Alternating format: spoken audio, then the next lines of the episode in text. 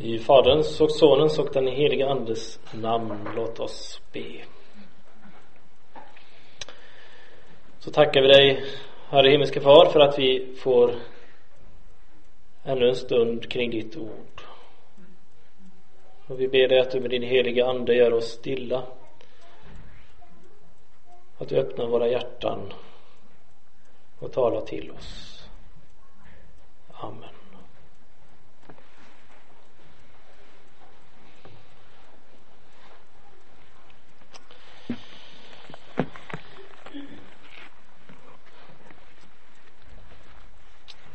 Jag sa att vi skulle i förlängningen av det talade tidigare om utifrån Jakobs brev att vara en ordets görare och inte bara dess hörare.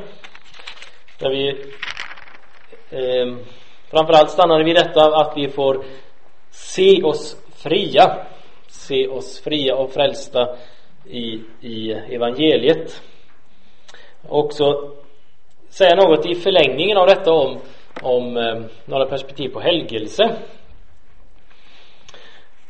Och eh, vi pratade några om det här förut. Det är så lätt, även om vi väl, mycket väl vet det, att eh, eh, att det liksom inte är när vi är väl frälsta av nåd eh, att också det kristna livet och fortsättningen har sin grund i nåden eh, Eh, och inte i våra gärningar.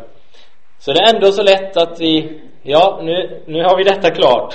Men, men nu, nu ska vi ju vidare. Nu måste vi ju ta tag i och också leva.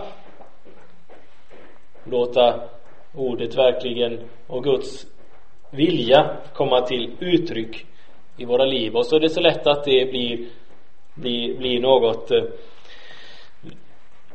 lagbetonat över det, att vi börjar plötsligt glida bort ifrån det som vi talade om förut, om friheten, det fullbordade, fullkomliga i Kristus. Någonting i ljuset av de där eh, perspektiven.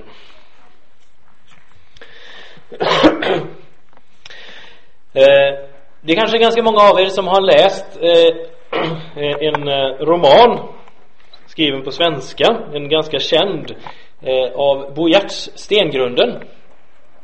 Jag vill påstå att eh, det är något av det allra bästa som har skrivits på svenska. Ehm, och där är det tre olika tidsepoker, tre olika präster som eh, på ett eller annat sätt alla lever i mörker och som efterhand av Guds ande blir ledda in i ljuset. Eh, och eh, det jag här tänkte på eh, några exempel, lite grann ifrån, är ifrån den mittersta delen där det var en pastor som hette Fridfält han var eh, djupt engagerad i en eh, väckelse där helgelsen, helgörelsen var starkt betonat. Man talade om att vi må, må gå lydighetens väg helt till slutten. Det var radikalt. Och när han efterhand upptäckte att det blev bara svartare och svartare i hans hjärta så tänkte han det att nej, jag måste ta mig samman. Jag måste gå lydnadens väg helt i slutet. Om jag bara vi nu satsar på detta så ska det nog bli bättre. Så är det en eh, söndag eh, Kristi förklaringsdag och eh, han ska ha han ska predika i högmässan. Han har ingen aning om vad han ska predika om. Det är helt svart för honom. Och så får han ett bud ifrån eh, sjöstugan som det kallas. Han får höra att Frans i sjöstugan ligger för döden. Han får med sig sockentyget och ska gå dit till honom. Och eh, där möter han dottern som, eh, som är hos sin far. Och eh, hon berättar för prästen när han kommer att eh, eh, När jag kom hit sa jag till far Ni tänker väl på Jesus nu? Jag orkar inte, Lena, svarar han. Jag orkar inte mera. Men jag vet att Jesus tänker på mig. Och så tänkte prästen, åh vad gott att få vila i det. Men så plötsligt så hör han Frans ligga där och så kommer det svordomar. Han börjar bli liksom glida bort. Så börjar han svära. Det kommer minnen ifrån när han var i militärtjänst. Han ropar och hojtar.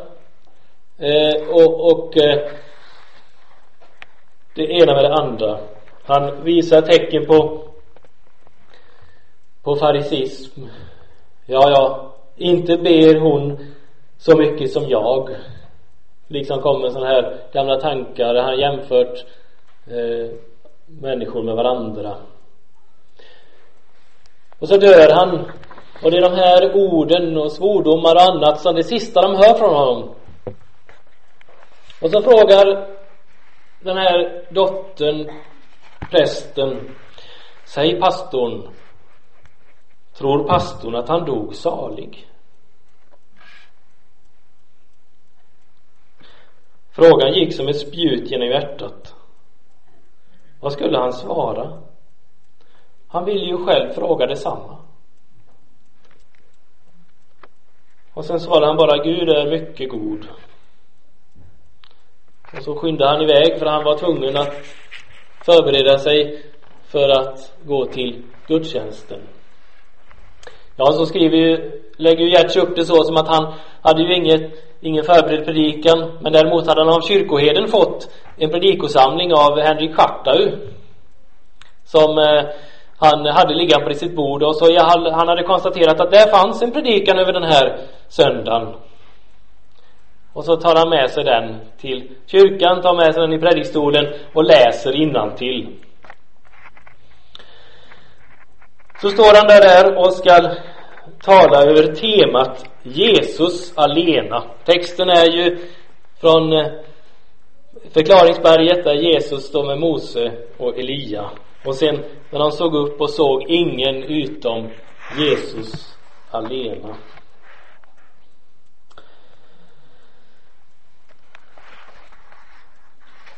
så står det då att eh, det först eh, utvecklades det hur, hur Gud läcker oss och att målet är att föra själen till Jesus alena. Lagen är tuktdomästaren som tuktar och driver oss till Kristus. Men lagen har fått sin ände i Kristus till rättfärdighet för var och en som tror. Han såg det nästan som en tavla framför sig. Där löpte, löpte lovens ändlöse väg kantad av nakna träd med nedhängande smidiga grenar som liknade gissel. Brand, brattare och brattare stegrade stupet sig mot himlen. Det var blodstänk från såriga fötter på stenarna. Där gick han själv som en botgörare i tagelkåpa. Men plötsligt stod Kristus mitt över vägen. Det tumlade runt för honom.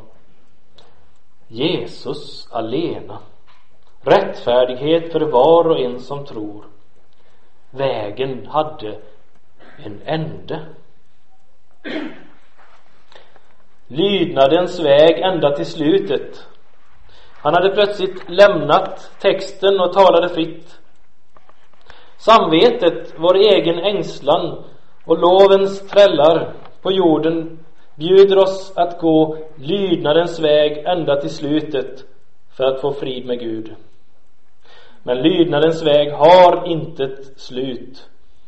Ändlös ligger den framför dig med ständigt skärpta krav och ständigt växande skulder och söker du frid på den vägen finner du icke frid utan de tiotusen talenternas gäll. Men nu är Kristus lovens ände. Vägen tar slut vid hans fötter och han bjuder rättfärdighet åt var och en som tror.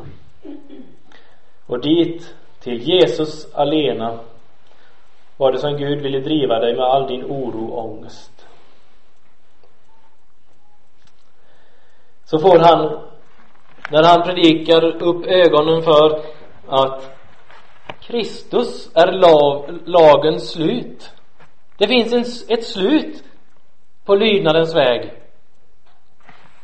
Loven driver fram till förtvivlan. Men där står Kristus. Rättfärdighet för var och en som tror. Så gick ljuset upp för honom och han såg att han var fri. Att eh, även om han aldrig skulle lyckas att uppfylla det han själv hade förutsatt sig eller det som Guds ord befallde så var han fri, rättfärdig i Jesus. Och den kvällen fick han bråttom tillbaka till sjöstugan för att tala med dottern och berätta de goda nyheterna om rättfärdigheten hos Kristus. Trots att synden är en levande realitet i våra hjärtan så kan vi vara fullkomligt rättfärdiga som vi talade om tidigare. Men den gamla människan, synden, lever kvar så länge vi lever här. Så det som de hade hört när den gamle mannen låg på sitt yttersta och han plötsligt började svära och ropa ut olika saker som inte alls vittnade om något heligt liv. Det var bara den gamla människans dödsryckningar.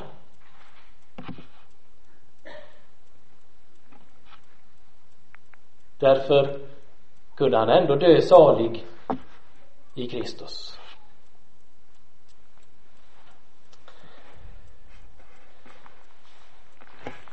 Men hur ska jag nu förhålla mig till Guds vilja? För det är ju ändå så att Guds vilja, Guds lag står fast. Och vi möter i skriften många radikala krav på att vi ska leva heligt. Till exempel så skriver aposteln Jakob eh, direkt efter det stycket vi läste tidigare, sista verserna i kapitel 1. Eh, om någon menar sig känna Gud men inte tyglar sin tunga, alltså inte har kontroll över vad han säger, eh, utan bedrar sitt hjärta då är hans gudstjänst ingenting värd.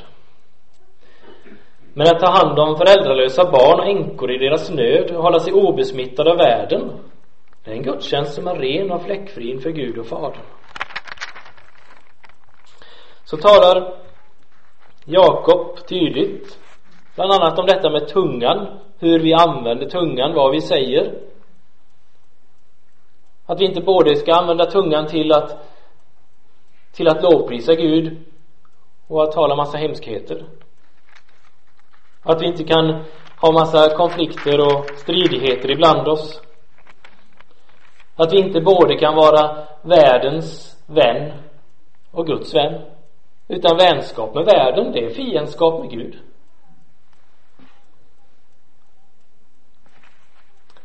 Och så vidare.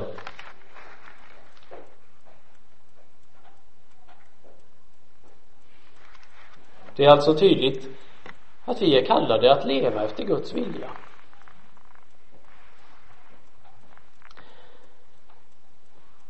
Och så säger Jesus att han har inte kommit för att upphäva loven utan för att fullborda den. Så Jesus har inte upphävt loven. Han har inte sagt att någon av, några av buden har slutat att gälla. Men han har fullbordat dem. Och det är väldigt skillnad. Och så får vi, som vi talade om tidigare, leva i den fullbordade lagen.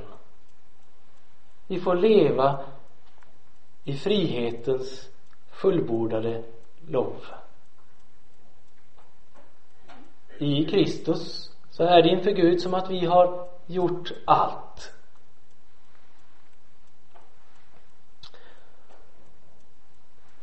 Så skriver Luther i brevet till barberarmästaren Peter Beskendorf. När han undervisar om bönen så skriver han bland annat om att vi som eh, Guds barn ser på buden som att de uppenbarar Guds vilja.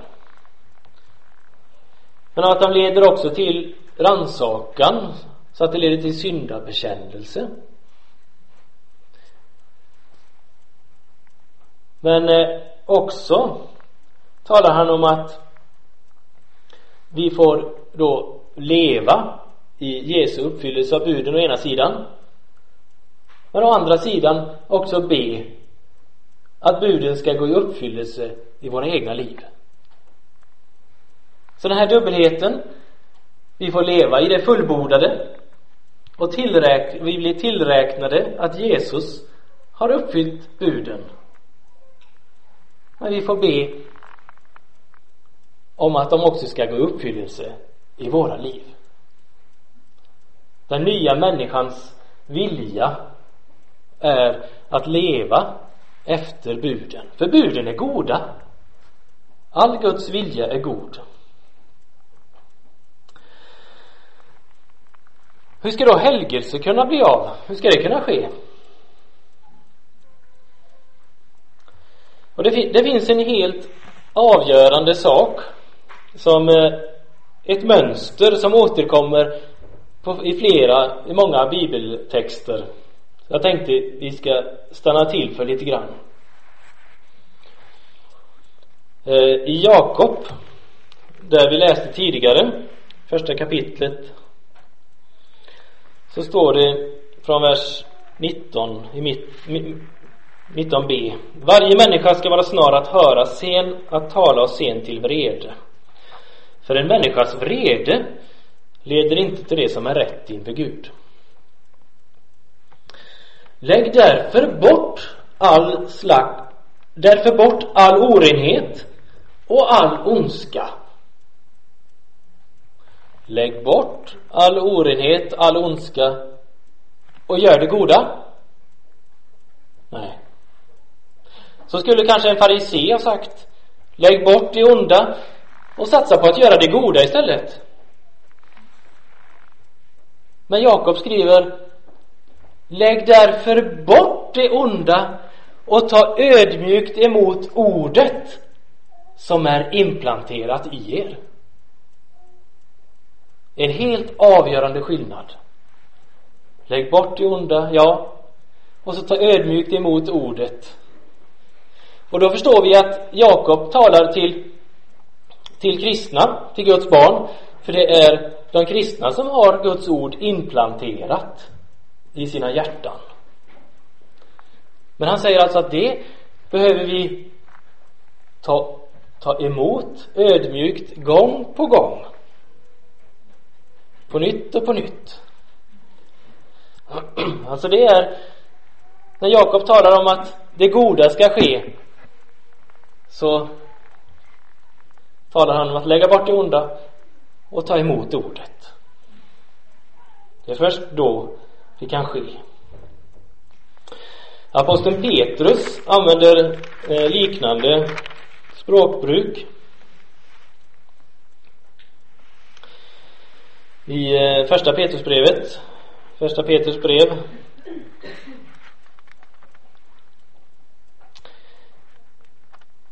från vers eh, 20, 22 Ni har renat era själar genom att lyda sanningen i uppriktig syskonkärlek.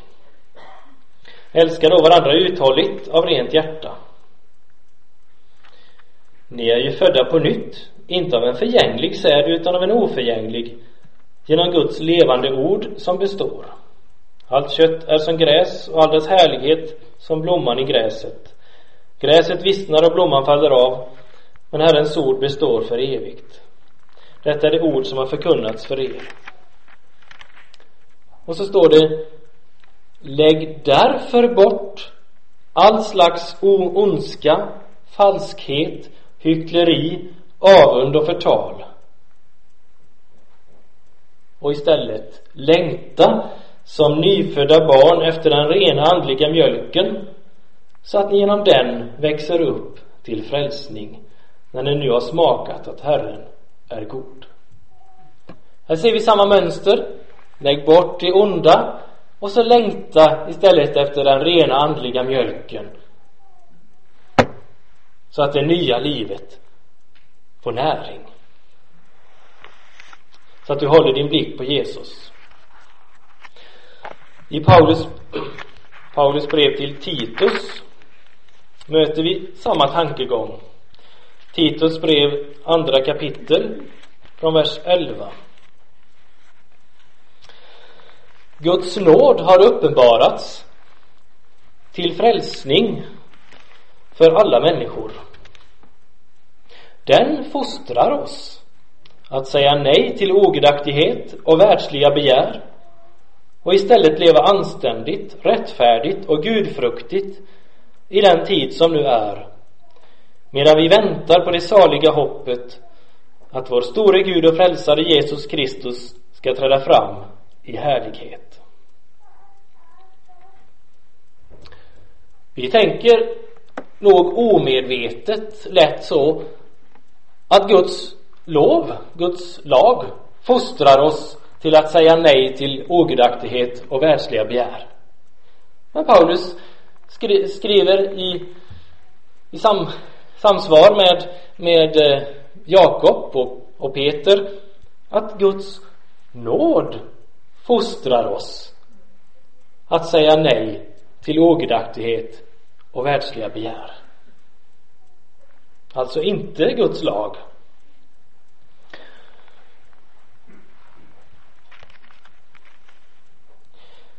I eh, Hebreerbrevet som vi också har läst i tidigare i det tolfte kapitel, kapitlet ser vi samma mönster.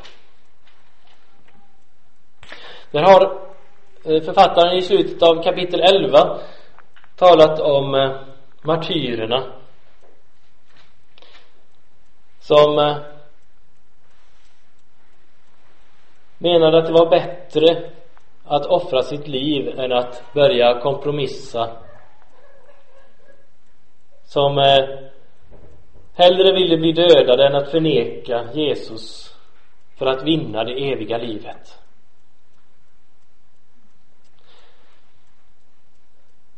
Det är nyttigt ibland att påminna sig om de som offrar sitt liv för bekännelsens skull, bekännelsen till Jesus.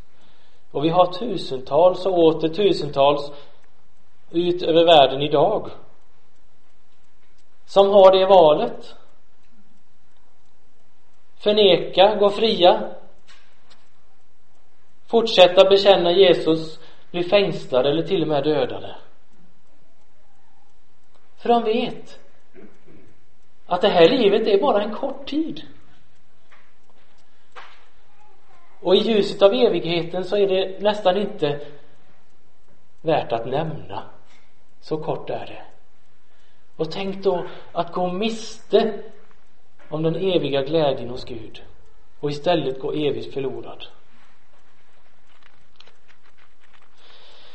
När vi nu har en så stor sky av vittnen omkring oss Alltså vi har en stor skara av vittnen som vittnar för oss om att det är möjligt att nå målet.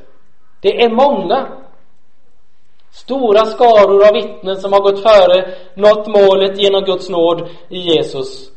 Och det är möjligt än idag. Så när vi nu har en så stor skara av vittnen omkring oss, låt oss då lägga bort allt som tynger och särskilt synden som snärjer så hårt och löpa uthålligt i det lopp vi har framför oss. Alltså vi vill väl, vi önskar väl, du önskar väl också att nå det eviga målet? Lägg då bort det som tynger, skriver aposteln. Och särskilt synden som snärjer. Vi har en fiende som vill få oss att fastna här. I alla slags olika synder, olika begär. Och den onde, han vet, djävulen, han vet mycket väl hurdana vi är var och en, vad han lättast lyckas att fånga oss. Men det är inte värt det. Det är inte värt att få vinna den här rikedom, framgång, njutning på denna världens premisser för att sedan gå miste om det eviga livet. Så lägg bort det som tynger, skriver aposteln. Men återigen, och låt oss ha blicken fäst vid Jesus. Han säger alltså inte heller här lägg bort det som tynger, lägg bort synden och gör det goda utan lösningen är lägg bort det, bekänn det och se på Jesus. Låt oss ha blicken fäst på Jesus, trons upphovsman och fullkomnare. För att nå den glädje som låg framför honom uthärdade han korset utan att bry sig om skammen och sitter nu på, Guds, på högra sidan om Guds tron. Tänk på honom som fick utstå sådan fiendskap från syndare så att ni inte tröttnar och tappar modet. Alltså återigen det här mönstret. Vi uppmanas att lägga bort det onda men lösningen för att vi ska istället ska göra det goda, bli mer uthålliga, bli mer evighetsinriktade, det är alltså inte att göra det i egen kraft eller försöka det, utan det är att se på Jesus. Ta emot ordet, ta emot evangelium och leva av det. Och det får också till följden att den nya människan får näring. Den nya människan gläder sig, lever upp, lever upp av evangeliet.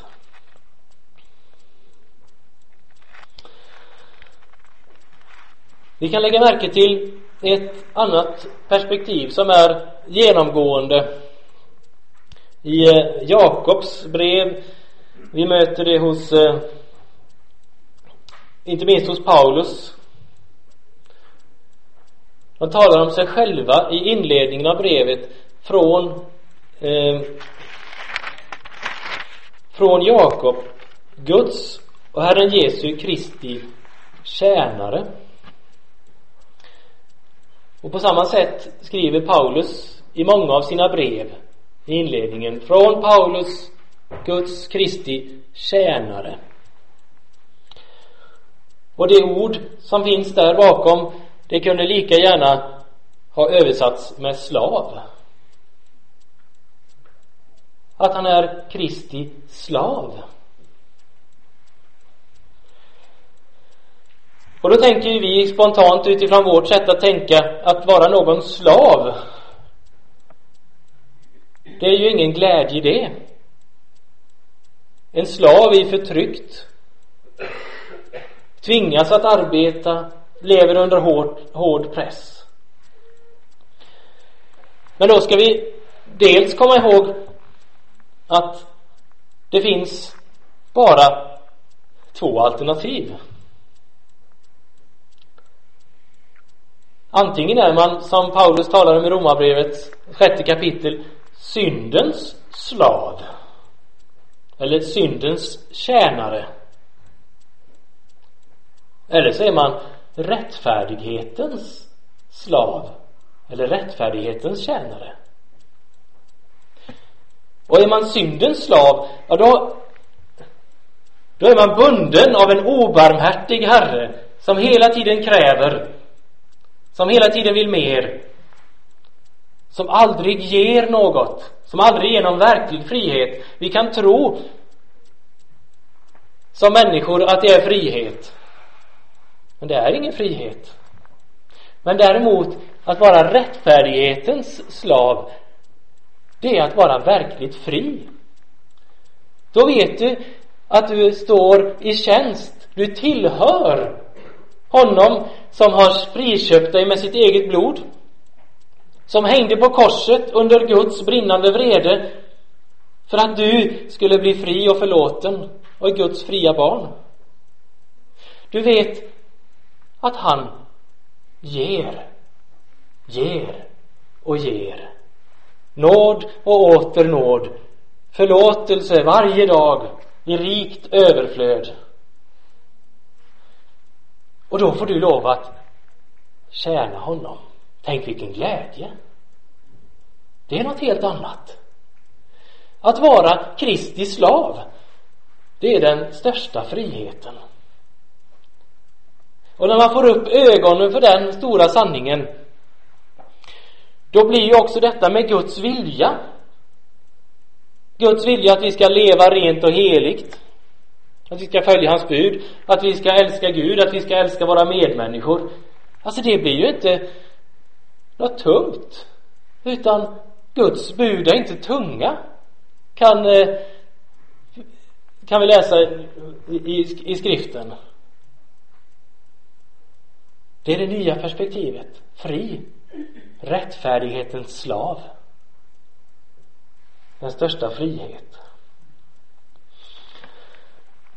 Men vi kan också tänka på i förhållande till detta med rättfärdighetens slav att eh, en slav tillhör ju sin herre.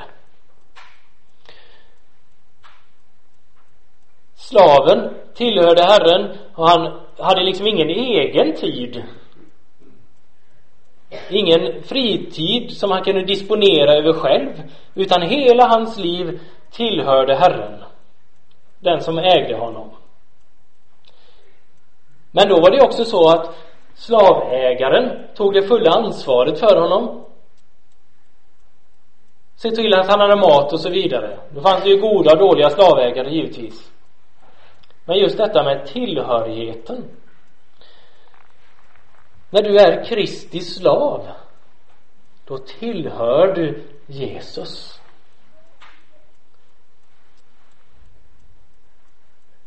Och han är ingen hård herre.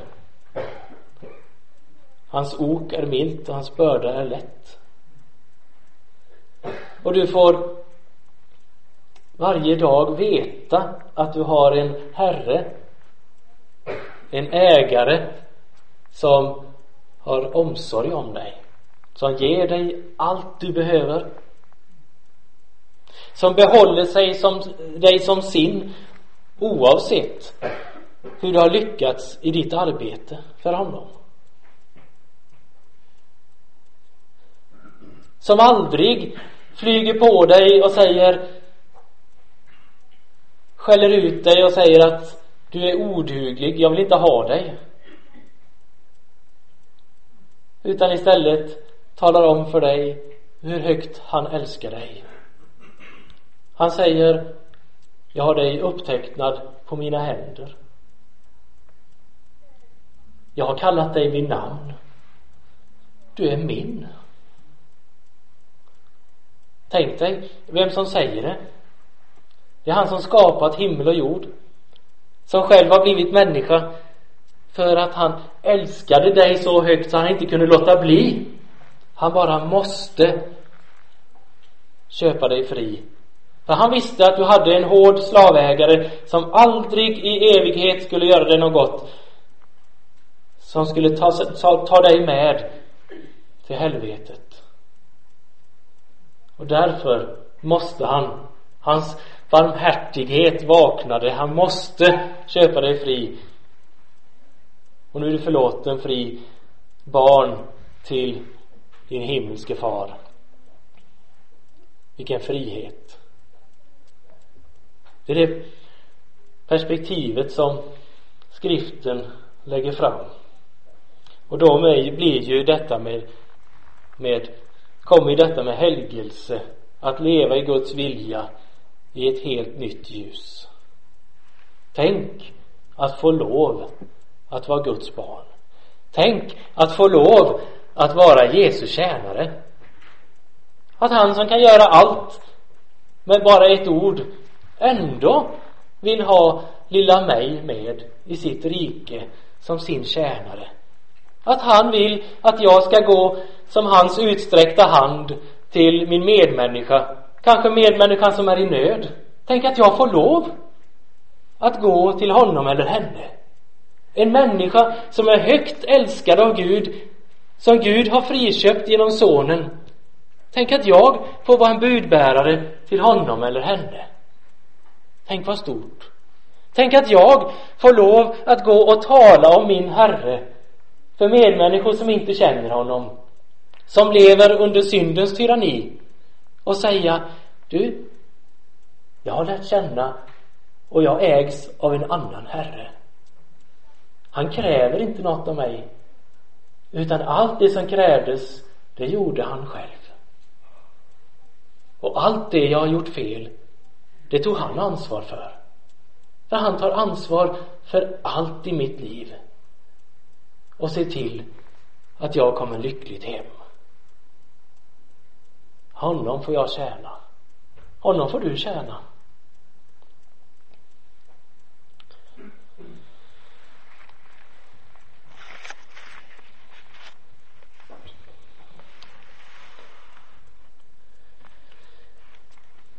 Aposteln skriver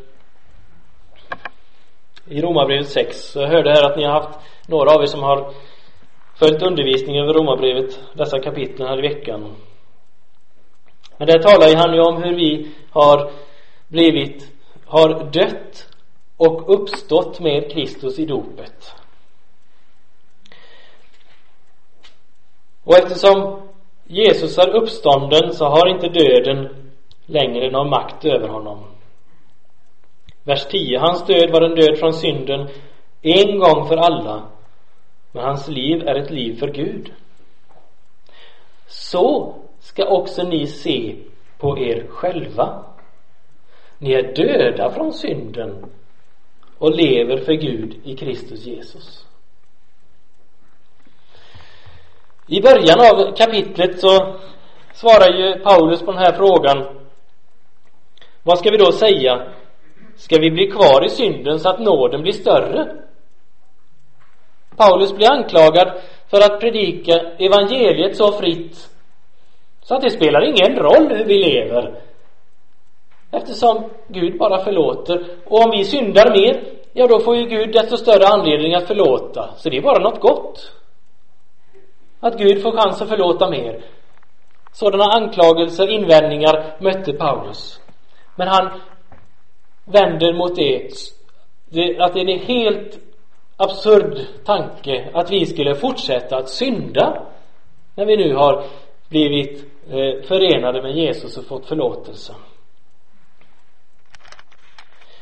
Hur skulle vi kunna fortsätta att leva i det som vi har dött ifrån? Vi har dött från synden, kan vi inte leva i den? Då faller vi ifrån nåden. Därför ska ni se så på er själva. Ni är döda från synden. Det är ingenting som jag har med att göra. Utan jag lever för Gud i Kristus. Därför ska synden inte regera i er dödliga kropp så att ni lyder dess begär. Ställ inte era kroppar i syndens tjänst som redskap för orättfärdigheten utan ställ er i Guds tjänst. Ni som var döda men nu lever, ställ era kroppar i Guds tjänst som redskap för rättfärdigheten. Synden ska inte vara herre över er. För ni står inte under lagen utan under nåden. Återigen detta, eftersom vi står under nåden syndar vi inte. Det är nåden som är som fostrar oss att säga nej till det onda. Och så vers 17. Men Gud vare tack. Ni var slavar under synden, men har nu av hjärtat börjat lyda den lära som ni blivit överlämnade åt. Nu är ni befriade från synden och slavar hos rättfärdigheten. Jag använder en enkel bild för er mänskliga svaghets skuld. Så som ni förr ställde era kroppar i orenhetens och laglöshetens tjänst till laglöshet, så ska ni nu ställa era kroppar i rättfärdighetens tjänst till helgelse, till helgörelse. När ni var slavar under synden var ni fria från rättfärdigheten. Men vad fick ni då för frukt? Sådan som ni nu skäms över eftersom det slutar i döden. Men nu när ni är befriade från synden och slavar hos Gud får ni helgörelse, helgelse som frukt och till slut evigt liv. Har ni märke till det? Där? Helgelse, helgörelse som frukt. Någonting som Gud genom sin ande verkar i den som är slav åt rättfärdigheten. Så att Gud, den nya människan som Gud har låtit födas, den vill det goda.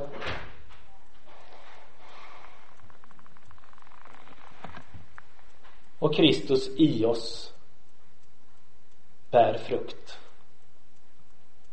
När Kristus tar sin boning i oss så bär han frukt. Syndens lön är döden, men Guds gåva är evigt liv i Kristus Jesus, vår Herre. Vi kan också stanna till vid, vid eh, psalm 1.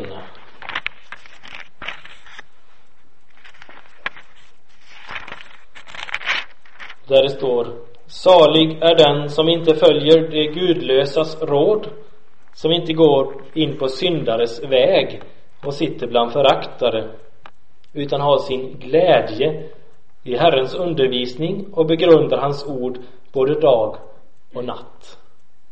Och återigen detta, den nya människan gläder sig över Guds ord, Guds vilja har sin glädje och upplever inte buden som tunga utan har sin glädje i dem och vill göra dem. Han är som ett träd planterat vid vattenbäckar och som bär sin frukt i rätt tid och vars löv inte vissnar. Allt han gör, det lyckas väl. Så den nya människan vill och gläder sig över Guds goda vilja. Och genom att leva i nåden se på Jesus så växer stärks den nya människan.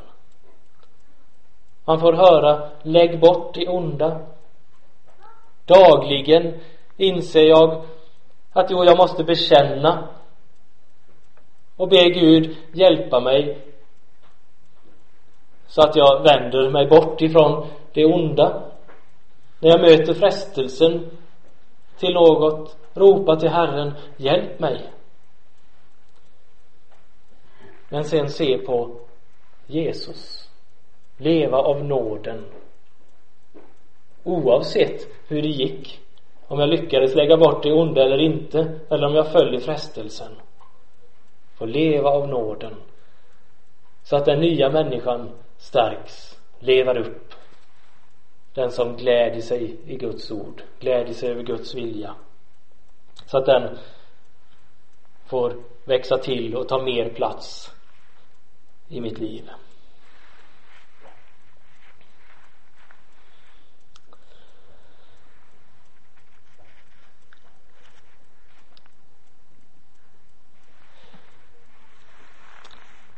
Det står i ehm, nu har jag missat citatet. Men i Paulus skriver till Korint Ni har blivit köpta och priset är betalt. Så förhärliga då Gud i er kropp. Där i Korint så fanns det många som inte alls tog det noga med synden. Som eh, lät den släppa in, liksom slippa in i livet. Först kom det i tankarna där den fick leva fritt och sedan gjorde den sig till herre över kroppen, över livet. Och jag citerar något ur, ur eh, Hans-Erik Nissens andaktsbok för den 25 februari. Får den gamla människan råda för den en kristen ut i synd och elände. Det är viktigt att ha klart för sig att den kötsliga naturen hos en kristen är lika syndig som hos en icke-kristen. Vår gamla människa blir aldrig helig. Hela livet igenom måste den gamla människan dödas. Det sker genom daglig ånger och bättring, daglig omvändelse. När Gud vill hjälpa dig bort från synden påminner han dig om att du är köpt och att skulden är betald. Gud känner dig bättre än du själv känner dig själv. Ditt hat till synden blir starkast när du ser vad din frälsare har fått lida för att bryta syndens bojor. Du blir förfärad och måste säga Har min synd verkligen kostat Jesus så mycket? Jesus har köpt dig fri till att ära Gud. När du tänker på det pris Jesus måste betala föds det en helig längtan hos dig att ära honom i allt. Du vill inte att det i ditt liv ska finnas något område som Jesus inte har äganderätten till. När han köpt dig ska han också råda över dig. Så förhärliga då Kristus i din kropp.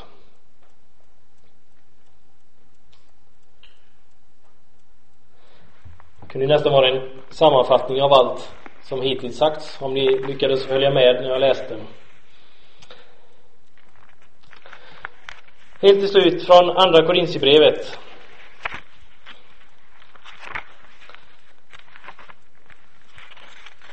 Det var ett något sidospår jag tänkte på. Andra Korintierbrevet 3 och 18. Och vi alla som med obeslöjat ansikte ser Herrens härlighet som i en spegel.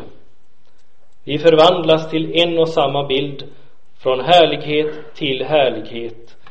Det sker genom Herren, Anden. För att återkoppla till det vi har sagt, talat om att blicka in i frihetens fullkomliga lag, frihetens fullbordade lag, så får vi med obeslöjat ansikte se Herrens härlighet som i en spegel. Herrens härlighet som i en spegel. Det säger ju att Herrens härlighet återspeglas hos mig. Att jag får blicka in i evangeliet och se att den Herrens härlighet, den fullkomliga härligheten, den finns också över mig när jag är i Kristus. Vi ser det inte, vi känner det inte, men Guds ord säger att det är sant. Och det får vi lov att leva i. Och så kommer den dagen för den som har Jesus som sin frälsare och sitt hopp då man ska få se Herren ansikte mot ansikte och vara honom lika. Bli lik honom. Helt och fullt när den gamla människan är död, gravlagd, borta för evigt. Att vara honom helt lika. Och så få se honom det är liksom saligheten, det är målet som man möter i slutet av Uppenbarelseboken. Man ska se Gud. Se honom ansikte mot ansikte. Det som människan inte kunnat göra på grund av synden. Nu får de se honom och vara honom lika. Helt fri från synd. Tack Herre Jesus för att vi får ha vårt hopp, vårt eh, åt allt i dig. Och vi ber dig Herre att du bevarar oss varje dag i evangeliet. Att vi inte följer våra onda önskningar och blir syndens slavar på nytt utan lever i den verkliga friheten. Lever som Jesu Kristi slavar. Lever i syndernas förlåtelse. I hans rättfärdighet och frid. Herre, vi ber dig att du fördjupar oss i detta. Låter ha blicken på honom. Så att den nya människan får växa till. Att vi mer och mer får, får glädja oss över din vilja och också vilja leva ut den. Men Herre, aldrig för att förtjäna en plats i ditt rike utan för att vi får lov att vara Guds barn av nåd. Och Herre, också när antingen det känns som att vi lyckas eller att om vi misslyckas, låt det vara så med oss att vi inte börjar bygga på våra på det egna utan hela tiden ha vårt fasta hopp, vår grund, vår klippa i dig Herre Jesus. Och så ber vi dig Herre att du skulle låta ditt ord nå ut och nå in hos många, många fler människor. Att Herre, alla skulle få se vem du är, vad du har gjort. Så Herre, välsigna alla som ska predika ditt ord imorgon. I alla gudstjänster, möten runt om i landet, i Sverige, utöver världen. Välsigna och led de utsända missionärerna och de kyrkor och gemenskaper de verkar i. Herre, så att ditt folk får, att vi ditt folk får stå som frimodiga bekännare till ditt ord, sanning, till ditt evangelium. Herre, tack för att vi också nu inför den kommande natten får anbefalla oss i dina goda, trygga händer och vila tryggt hos dig och veta att om det skulle bli vår sista natt så vilar vi ändå tryggt hos dig och förblir burna in i ditt eviga rike. I Jesu namn. Amen.